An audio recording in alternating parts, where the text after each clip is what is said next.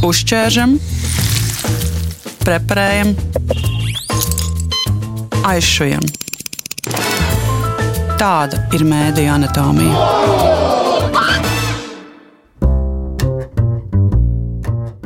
Kāpēc šobrīd žurnālistika mazāk runā par morāli, kādas sūdzības par žurnālistu darbu saņem mediju ētikas padome un kā vērtēt Rīgas laika redaktoru pazušanas un atrašanās ziņas medijos?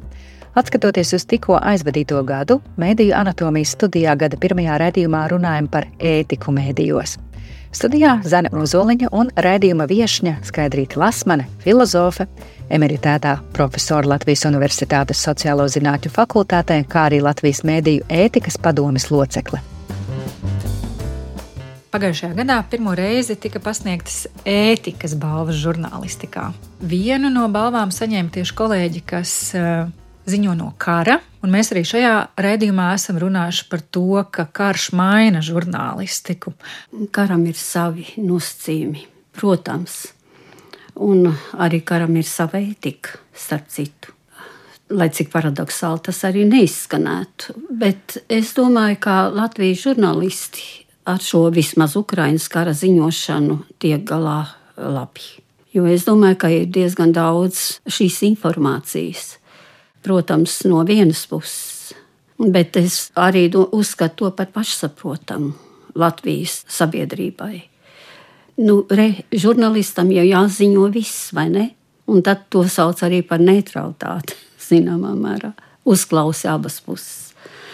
Bet es domāju, ka šādā acīm redzamā divu pušu atšķirību situācijā, kad zina, ko otra puse teiks, droši vien un vai tā būs patiesība, ko teiks. Tad es domāju, ka tomēr tā Ukraiņas puse, kas tiek iesaistīta šajā informācijā, pietiekami labi parāda to drausmīgo faktiski likteni, kas šai tautai ir jāpiedzīvo. Jā, nesen arī eh, CNN žurnāliste, kura bija viena no retajām, kas savukārt tika Gazas joslā, nevarēja valdīt asaras kameras priekšā. Un tad viņa teica, es esmu profesionāli ar gadiem ilgu kara reportieru stāžu, un es neuzskatu, ka manas emocijas būtu jāizslēdz no tā, kā es tajā brīdī tur jūtos. Bez emocijām jau, manuprāt, tā žurnālistika arī nav dzīva. Un es vienmēr esmu atturīga pret objektivitātes saukšanu palīgā. Šis apgalvojums iespējams ir patiess, kā jāuzvada žurnālistam, lai pēc iespējas daudzpusīgāk varbūt un pilnīgāk kādu situāciju atveidotu. Bet es nedomāju, ka žurnālistam ir jābūt tikai racionālam. Mēdīju um, ētikas padomē jūs arī laiku pa laikam saņemat iesniegumus un kopā ar kolēģiem izvērtējat. Kāds ir bijis pagājušais gads, par ko jums ir bijušas uh, vislielākās diskusijas? Man jāsaka, ka mēs esam lielāko tiesu attaisnojuši žurnālistu darbu un darbību. Un es nedomāju, ka medijētikas padomēji ir jābūt kādam bargam uzraugam attiecībā uz žurnālistiem. Latvijas sabiedrība ir pārpilna ar uzraugiem. Gan, es domāju, līdzekļu ziņā izšķērdība, gan arī nu, mērķtiecīgas liederības ziņā tas nav vērtīgi. Tāpēc, ka Latvijā jau varbūt vēl laiks ir, lai pierastu pie tā, ka katram tomēr ir jāatbild par sevi. Un viņam pēc iespējas mazāk vajag kādu uzraugu. Bet, kas attiecas uz žurnālistiku, tad tomēr arī nu, teorētiski un arī praktiski vienmēr uzsvars likts uz to, ka žurnālistiem ir jābūt pašu uzraudzībai. Mediju iekšējā šī pašorganizācija ir svarīga. Šīs sūdzības no lasītājiem, klausītājiem saņem arī mediju ombuds, kurš arī atbild. Un viena no nesenajām šķiet sūdzībām bija par to, kā tiek ziņots. Bija konkrēti Latvijas televīzijas panorāmas sižets, stāstot par slepkavību Reizeknē. Un um, šīs sūdzības autors bija norādījis, ka ir pārāk daudz vārda dots, lai pārstāvētu slepkavas pusi, skaidrojot viņa viedokli. Jautājums ir, um, varbūt ne tikai runājot par šo konkrēto gadījumu, bet arī atsaucoties līdzīgi kā Ukraiņas kara gadījumā, vai mēdījam, ieturot šo balansu, viena puse, otra puse, ir vai nav jādod vārds varmākam. Nu, šī sūdzība ir nonākusi arī līdz mediju ētikas padomēji, bet mēs vēl neesam diskutējuši par šo sūdzību. Mans viedoklis, ka nu, žurnālisti darīja visu, kas tajā mirklī viņai bija iespējams, nu, izgaismoja šo situāciju diezgan pilnīgi. No šī ziņojuma nebija šaubu, ka žurnālisti ir darījusi visu, kas viņas spēkos šajā situācijā.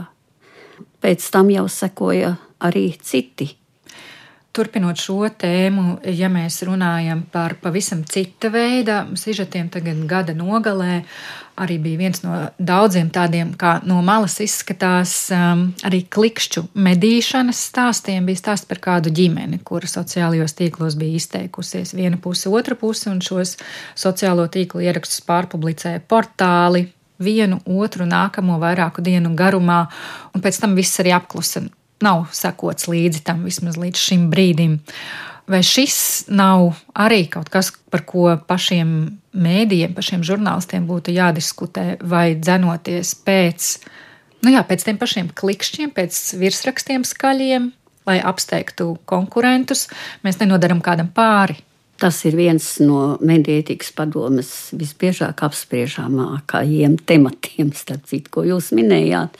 Ne jau šis konkrētais gadījums. Runa ir par to, kāda ir informācijas kvalitāte. Nu, tomēr tā ir mediju atbildība arī par informācijas kvalitāti. Ir īpaši mediji, kuri nodarbojas ar šīm, tas, ko mēs saucam par zeltainā prese. Tā ir viņu barība un maize faktiski drāzas daudzos gadījumos. Bet tas, ar ko saskaras arī medītikas padomu, ka bieži vien sūdzības un pamatots ir par to, ka bieži vien virsrakstos ir šī sensacionalizācija, kas nemaz tālāk arī neseko. Bet, eh, lai pievērstu uzmanību, tad ir šī sensacionalizācija virsrakstā izteikta. Kaut vai, piemēram, viena no tādām sūdzībām bija par virsrakstu Delfos, par latviešu fatālu, nu, jāsaka, nodzirdināšanu vēsturiski. Un šajā virsrakstā tieši šī pārspīlētā eh, fatālā nolemtība alkoholam. Šādu skaidrojumu tomēr man liekas, ka nu, žurnālists nedrīkst pieļaut. Bet jūs minējāt šajās diskusijās, kur jūs runājat par šiem klikšķu virsrakstu medniekiem, pie kā jūs nonākat? Vai tā ir žurnālistu atbildība, vai tā ir vairāk jau mediju redakcijas un mediju īpašnieku atbildība? Es domāju, ka tas ir abējādi. Nav jau tā, ka žurnālists viens pats šo raidījumu piedāvā. Šie gadījumi tādi ir, un tur neko nevar darīt. Nu, tādi pastāv, tādi ir pieprasīti. Un, pieprasījumam atbilst arī piedāvājums. Un cilvēkam pašam tomēr arī par to ir nu, jāsaka, jāatbild. Nu, un tāpēc Latvijā ir ļoti būtisks jautājums, un es domāju, tā tiešām ir liela nelaime. Tā ir pērkamā žurnālistika. Kad cilvēkam samaksā, un viņš ir gatavs veselu grāmatu uzrakstīt, un ne jau par labu kādam. Tā ir tā ļaunuma sēšana sabiedrībā. Bet ko tur darīt? Vai ar pašregulēšanos pietiek? Nu, ir pastāvīgi tiesas darbi. Ja kāds ir nepamatoti aizskārts, un lielākoties tie ir nepamatoti aizskārti cilvēki, kurus nu, tā ir nelietība. To tā varētu saukt. Tas ir absolūts negodīgums, kur par uzticību nav runa. Kaut gan nu, bieži vien nostrādāti šie darbi ir tā ar it kā dokumentālu faktu pamatojumu, kur cilvēks jau neiedziļinās. Viņš redz šo it kā faktu, un viņš neies pētīt, viņš vienkārši paļaujas. Tiesu darbi savukārt mums ir arī otra medaļas puse. Mēs eh, šajā pašā redzījumā kolēģi Dāca Krejera runāja arī par to, ka pēdējā laikā ar vien uh, biežāk tā ir pasaules tendence, cenšas ierobežot uh, mēdīju darbu, iesūdzot tiesā. Tās formas ir ļoti dažādas. Un tās pastāvēs, bet tāpēc jau arī pastāv iespēja aizstāvēt to, kas ir nepamatoti apvainots. Bet žurnālistam, manuprāt, viegli to teikt, grūti izdarīt. Ir jāaizstāv tas, kas tiek nepamatoti apvainots. Nav viegla žurnālistu, kā jūs saprotat, lieta, un nav viegla žurnālistu eh, būšana sabiedrībā.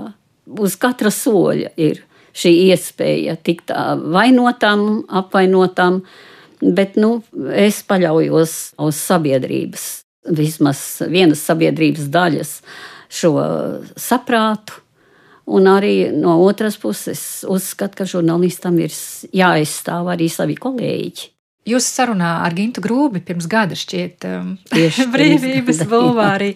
Jūs arī atminējāties, ka jums ļoti uh, mīļš ir laiks, kad Latvijā atguva neatkarību par spīti visiem jucekļiem un grūtajiem ikdienas uh, apstākļiem. Un man savukārt šķiet, ka arī žurnālistiem tajā laikā varētu kā romantizēt šo laiku, jo žurnālistiem bija milzīga nozīme tajā laikā. Vai jūsuprāt, šī žurnālista respekts pret žurnālista darbu kopš tiem laikiem ir mainījies, zudis, un ja tā, vai to var atgūt? Nu, žurnālistam vienmēr ir bijusi ļoti nozīmīga loma. Tajā atmodas laikā žurnālisti tomēr koncentrējās uz to pašu galveno, un piedalījās tajā ne jau ne, neitrāli un objektīvi, bet ar savu sirdi un dvēseli. Šodien nav vairs tādas, varbūt vienotas nu, vēlmes kaut kur vienā virzienā, kaut ko aizstāvēt. Un tāpēc ir šī izkliede. Un par to pašu morāli arī 90. gados žurnālistika ziņoja daudz vairāk. Jo varbūt arī tomēr tā tiesu sistēma vēl nebija tik ļoti nostabilizēta kā tagad, kad eh, liela daļa tieši šo gadījumu, ko varētu no morāles viedokļa skatīt, tiek atdoti tiesu varai, un tad nu, arī tiek gaidīti šie tiesu lēmumi. Kuri bieži vien arī netiek sagaidīti cilvēka mūža laikā. Eh, bet es domāju, par morāles lietām daudz vairāk jārunā. Arī par cilvēku muļķību vairāk jārunā. Atsaucoties uz mūsu pirmo telefonu sarunu, kad es zvanīju, un mēs toreiz runājām par to Rīgas laika uh, redaktoru gadījumu, kur izrādījās, ka neviens nav pazudis. Tad jūs šķiet nīči citējāt par to, ka cilvēkiem gribas tapt muļķotiem. Šis jautājums ir, ir sarežģītāks, protams, bet Nīčes uh, temats jau bija tas, ka cilvēki ir neglābjami sevi novirza apmelošanai, ticībai meliem. Bet, kas attiecas uz šo žurnālista gadījumu, es domāju, ka to tomēr arī drusciņi vieglāk jāuztver. Jo jāatceras, ka ir arī tāds dzīves stils, ko sauc par dzīves mākslu. Un kā mēs zinām, mākslas darbs ir neparedzams, mākslas darbs ir radošs, mākslas darbs ir krāsains, mākslas darbs nav ikdiena. Un es domāju, ka reizēm eh, cilvēki ir, kas prot šo dzīvi padarīt par mākslu. Es uzskatu, šajā gadījumā arī žurnālists un filozofs Arnis Rītups. Viņš šajā gadījumā vairāk manā uztverē iedaras šajā dzīves stilā, interesantajā, padarīt šo dzīvi par mākslas darbu. Un es domāju, ka žurnālisti uz to norēģēja ļoti precīzi mazliet šaubas, mazliet izbrīns, nekāds īpašs pārdzīvojums sabiedrībā par to netika, jāsaka, piedāvāts. Vairāk spēlēties, vairāk varbūt arī viegluma, jo nav tā dzīve tik grūta. Nu, nav tā dzīve tik grūta. Mēdīju anatomijā runājām ar Skaidrīti Lasmani, filozofi, emeritēto profesori Latvijas Universitātes sociālo zinātņu fakultātē un mēdīju ētikas padomes locekli. Raidījumu veidoja Zane Ozoliņa un Reinis Budze. Uzķēršam, preparējam, aizšujam. Tāda ir mēdīņa anatomija.